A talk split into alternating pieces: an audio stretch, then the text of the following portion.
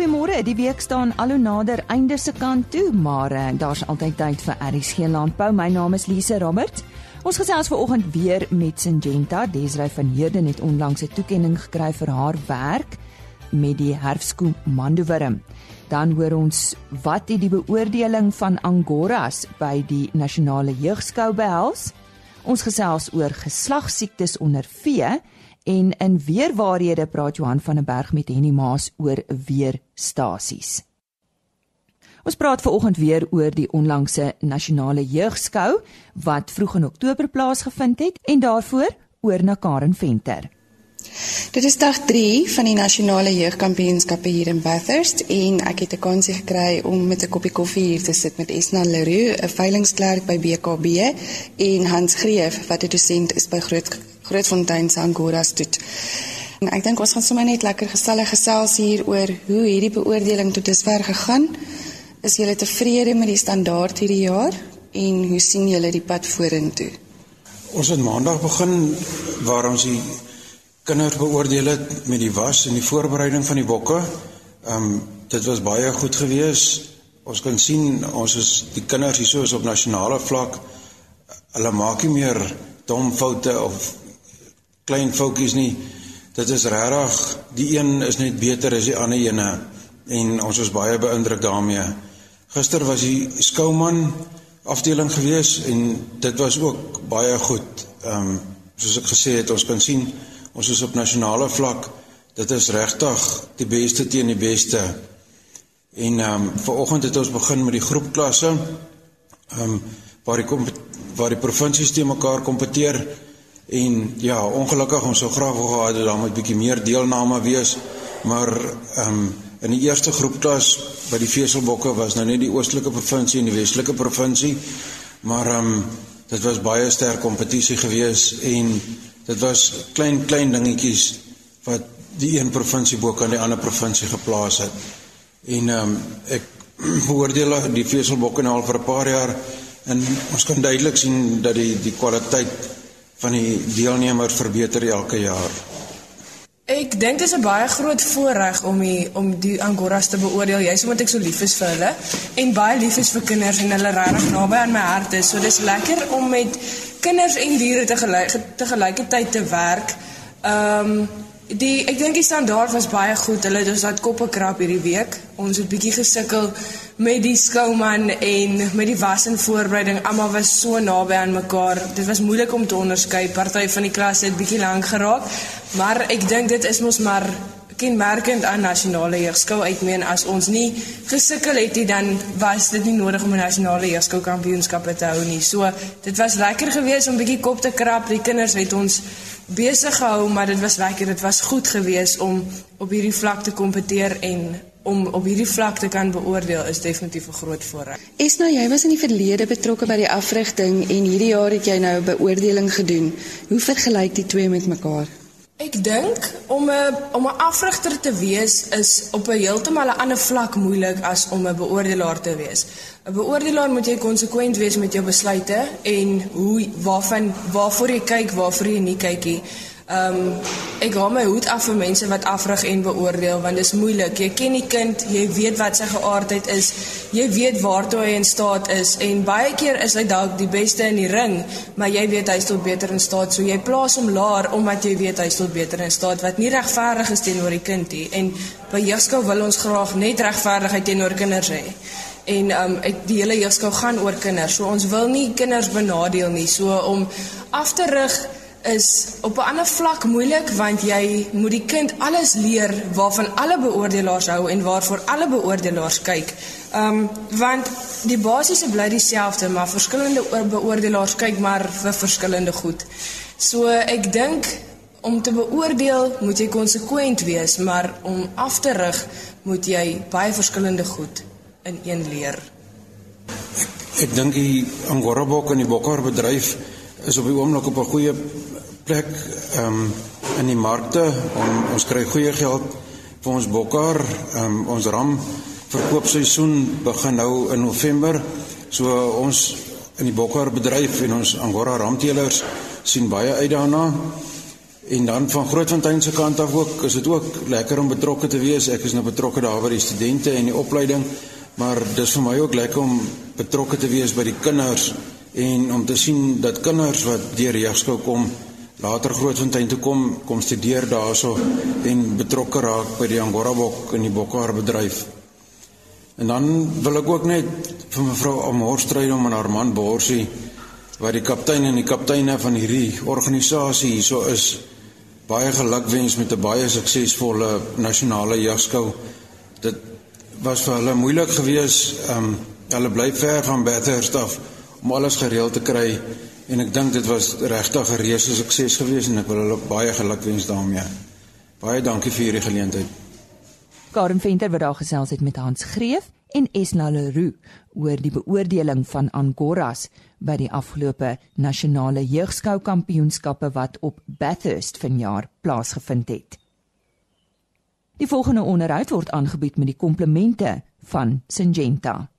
Ek gesels vanoggend met Desrey van Heerden, sy is die tegniese leier op die gebied van insekdoders vir Syngenta in Afrika en die Midde-Ooste. Nou sy het onlangs 'n gesogte industrie erkenning ontvang vir haar baanbrekerswerk op die herfskomando wurm. Nou op grond van hierdie erkenning praat ons vandag met haar oor haar werk en haar kundigheid wanneer dit kom by die identifikasie, die oplossings en weerstandsbestuur van die Herfskomando wurm. Ja, Desrey, goeiemôre.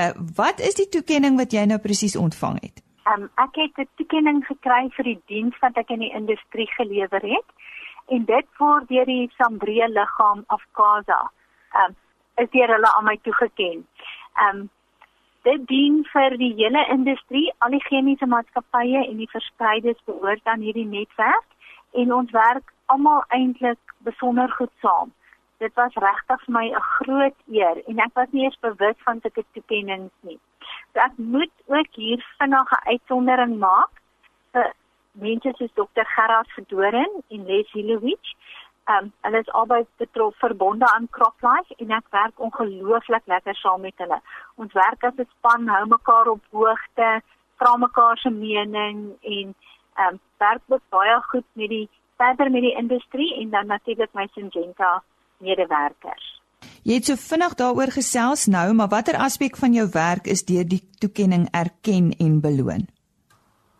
Ehm um, dit is eintlik tweeledig.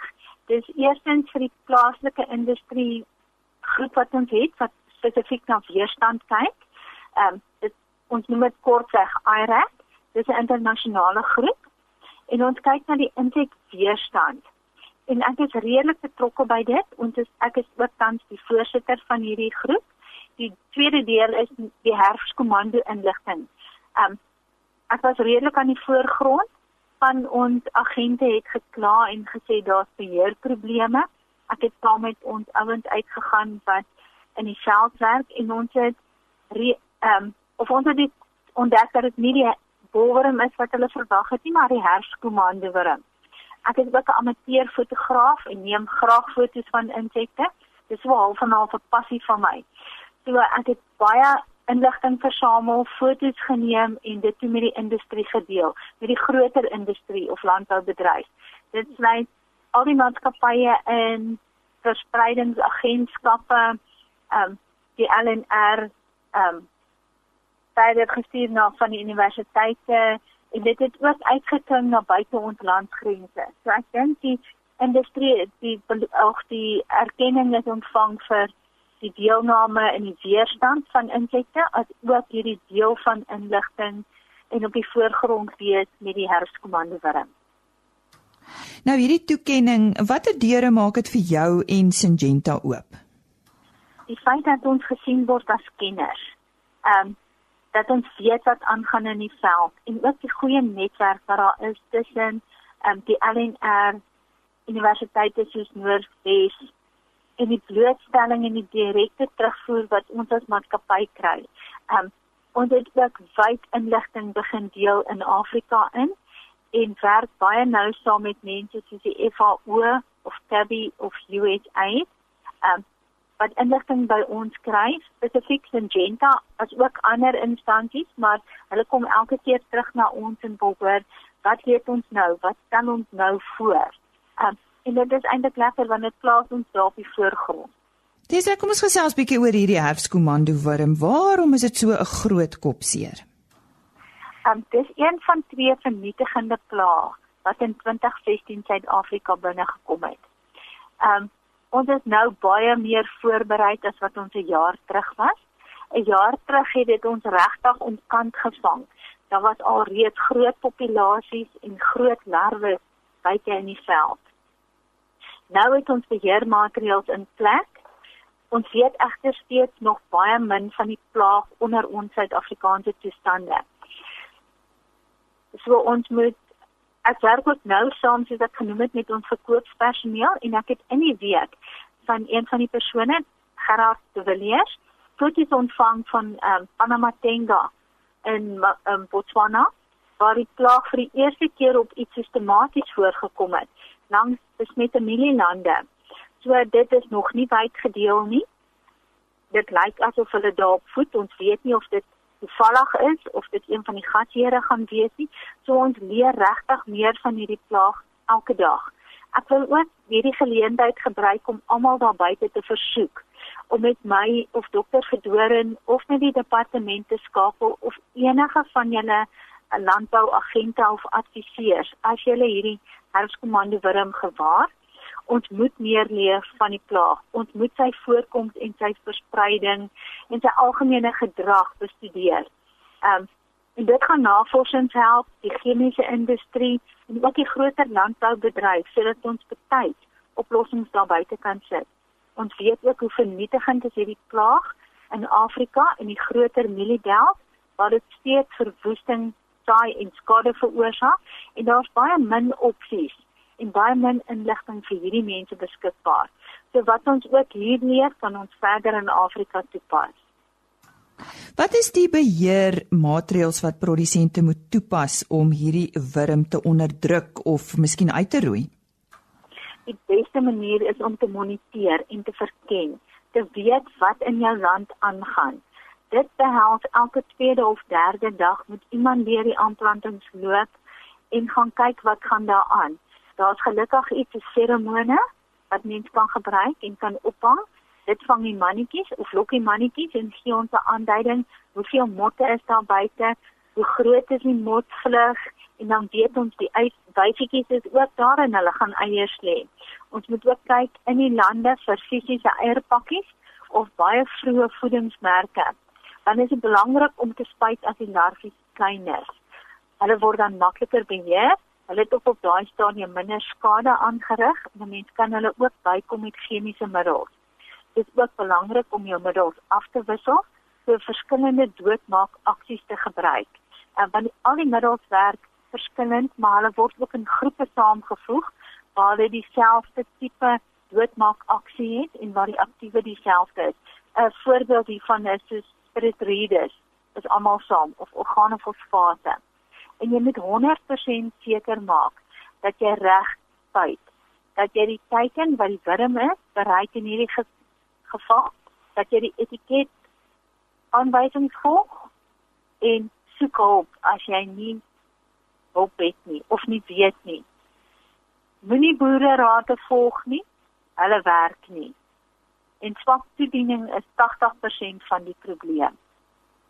Dis raam om af te sluit, waar kan produsente meer inligting kry indien hulle dalk enige vrae het oor die herfskomande wurm? Wat stel jy voor? Hulle kan my skakel.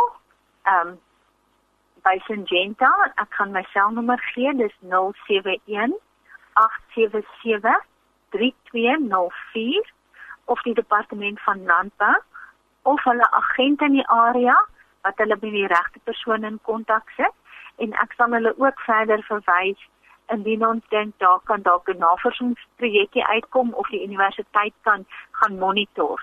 So enige een enige agent begin miskien daar en dan skakel Syngenta of skakel my direk.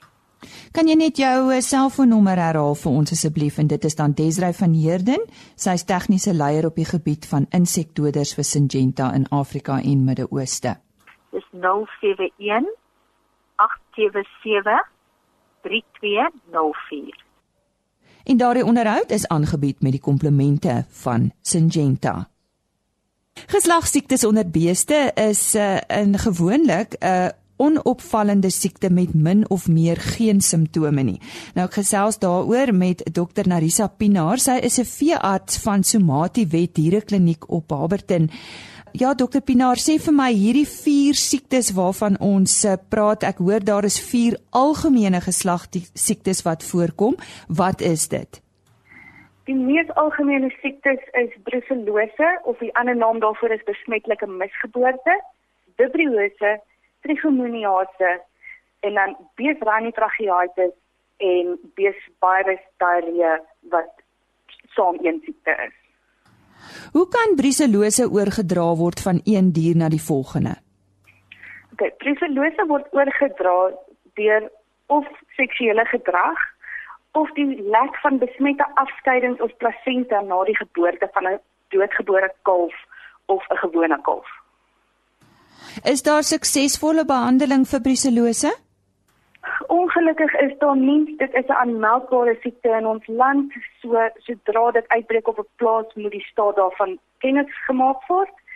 Maar dit kan voorkom word deur inentings. Nou vroeër het jy verwys na 'n paar siektes, ehm um, en ek wil graag hier praat oor IBR. Waar verstaan dit nou weer? Dit is bees rhinotracheaitis. Nou ek verstaan dit word deur 'n virus oorgedra. Wat is die gevolg van hierdie siekte? Meestal veroorsaak dit ligweginfeksies wat tot 'n mindere mate kan wees of baie ernstig kan wees en dan kan dit ook lei tot onvrugbaarheid. Is daar enige 'n behandeling vir hierdie siekte of kan dit net beheer word deur 'n voorkoming? Weereens geen behandeling nie. Dit word ook beheer deur enstowwe wat daar's 'n verskeie produkte beskikbaar. Goed, nou, uh, die laaste een waaroor ons gesels is die bovine viraal diarree. Hulle is ook een van die geslagsiektes wat jy gesê het wat algemeen voorkom. Wat is die kliniese simptome van BVD? OK, BVD kom meestal in jou jong diere voor, so 6 maande tot 24 maande ouer diere. En dit is redelik onopsigtelik en dan kan dit ook lei tot redelike dodelike ingewandsiektes maar dan vir die geslagsiektes is dit embrioniese resorpsie, swakker talle wat net nie ordentlik groei nie en laer besetting wat baie nadelig is vir die boere. Nou ons kyk na al hierdie geslagsiektes. Watse raad het jy vir boere om uh, om hierdie tipe goed te kan hanteer of te voorkom of te beheer? As daar ewe skielik op 'n plaas meer as een dier is wat nou aborteer of die besetting is net baie laag. Is dit die beste om 'n veearts te kontak? Laat hulle begin navorsing doen. Laat hulle kan sien wat is die oorsaak. Dit is nie maklik om die oorsaak te kry nie maar dit kan vir die boer so groot ekonomiese skade veroorsaak dat dit die moeite werd is om te gaan soek vir 'n vir 'n oplossing of 'n rede hoekom die die koeie nie produseer soos hulle moet nie Goed, nou produsente word gewoonlik aangeraai om hulle naaste ehm um, veearts te kontak, maar indien iemand dalk nou na jou luister, Narisa, en jy is daar in die Barberton omgewing, net julle kontak besonderhede en die naam van julle kliniek. Hulle kan ons enige tyd skakel by Sumati Wet. Landlynnommer is 013 712 4571. Selfoonnommer is 0606 011505. Goed, miskien kan ek jou net vra om een van daai twee nommers te herhaal asseblief. Ehm um, die selfoonnommer is 0606 101505. En ek het daar gesels met dokter Nerisa Pinaar van Somati Wet Dierekliniek op Barberton en sy het vir ons vertel van 'n geslagsiektes wat algemeen onder ons vee voorkom.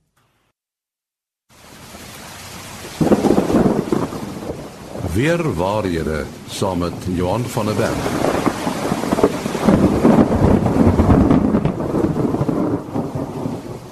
Ons uh, gesels gewoonlik elke donderdag hier op RC Landbou met uh, Johan van der Berg van Santam Landbou en weer waarhede.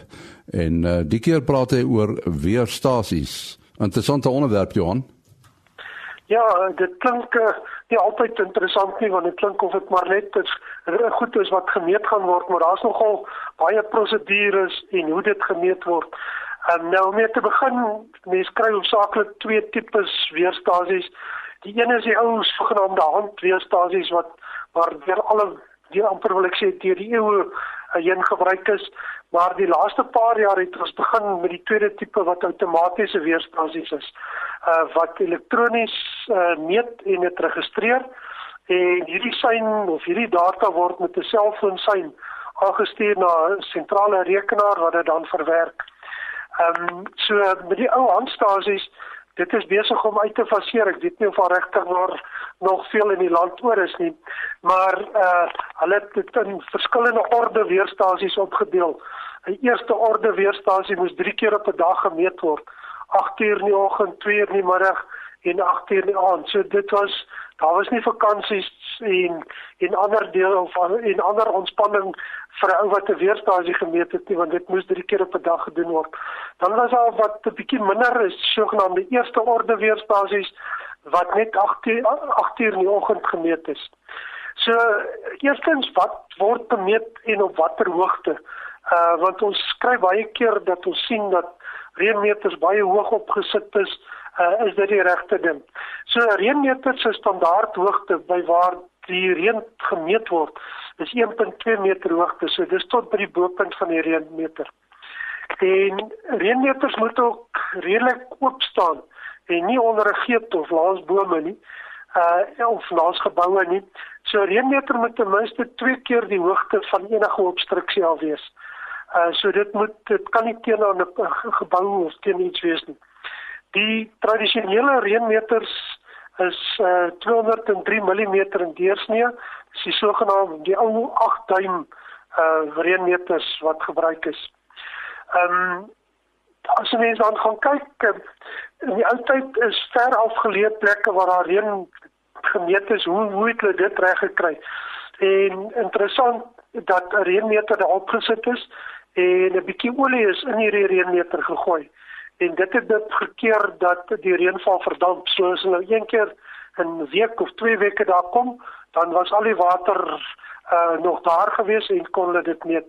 Verder wat reënmeters betref, moet dit redelik moet dit diep genoeg wees sodat water nie uitspat nie. Ons sien van hierdie goedkoop reënmeters wat 'n baie 'n uh, klein randjie bo het en met die spat effek kan 'n redelike klomp van hierdie uh reënval verlore gaan.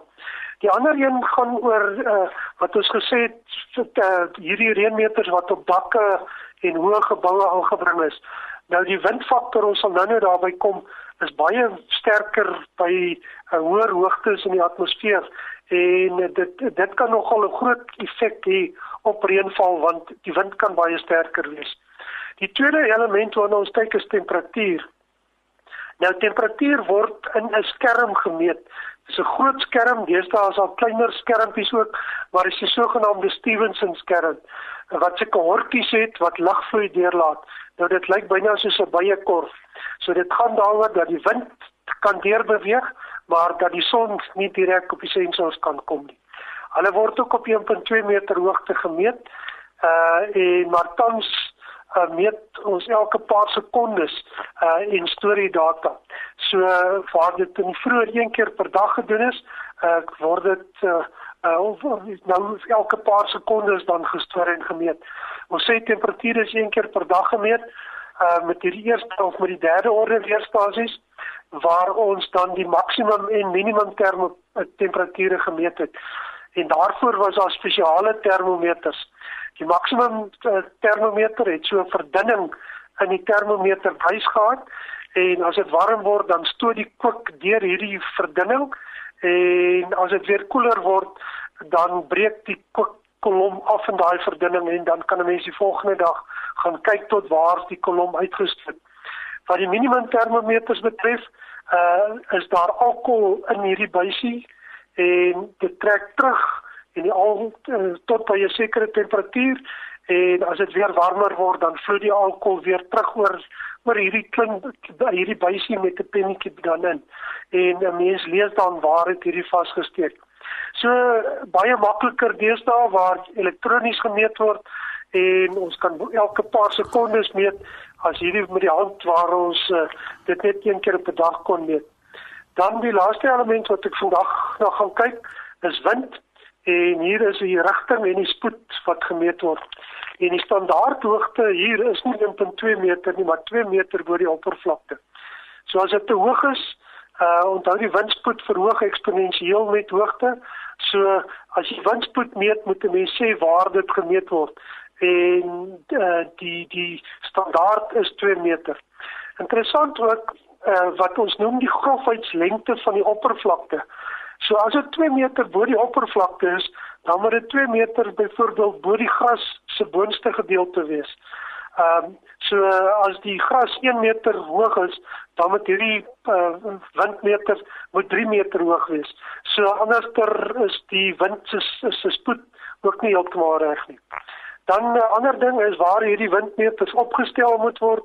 Baie belangrik dat daar 'n oop gedeelte na alle windrigtings toe is ons noem dit die sogenaamde wind of die wind fetch ek weet nie presies wat wat is die Afrikaans daarvoor nie maar uh, dit speel 'n groot rol dat wind nie afgeskerm word of dat dit die rigting verander nie.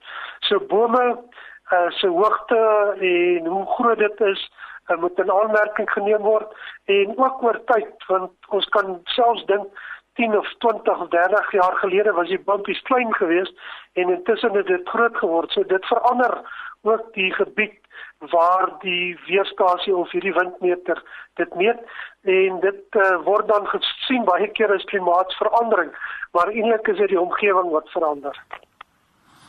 Ja, baie interessant. Uh, ons gaan volgende week voort uh, met weerstasies hier op RSG landbou en weerwaarhede saam met Johan van der Berg van Santam Landbou. Nou ja, soos weer met u gesels, is dit amptelik Kersdag.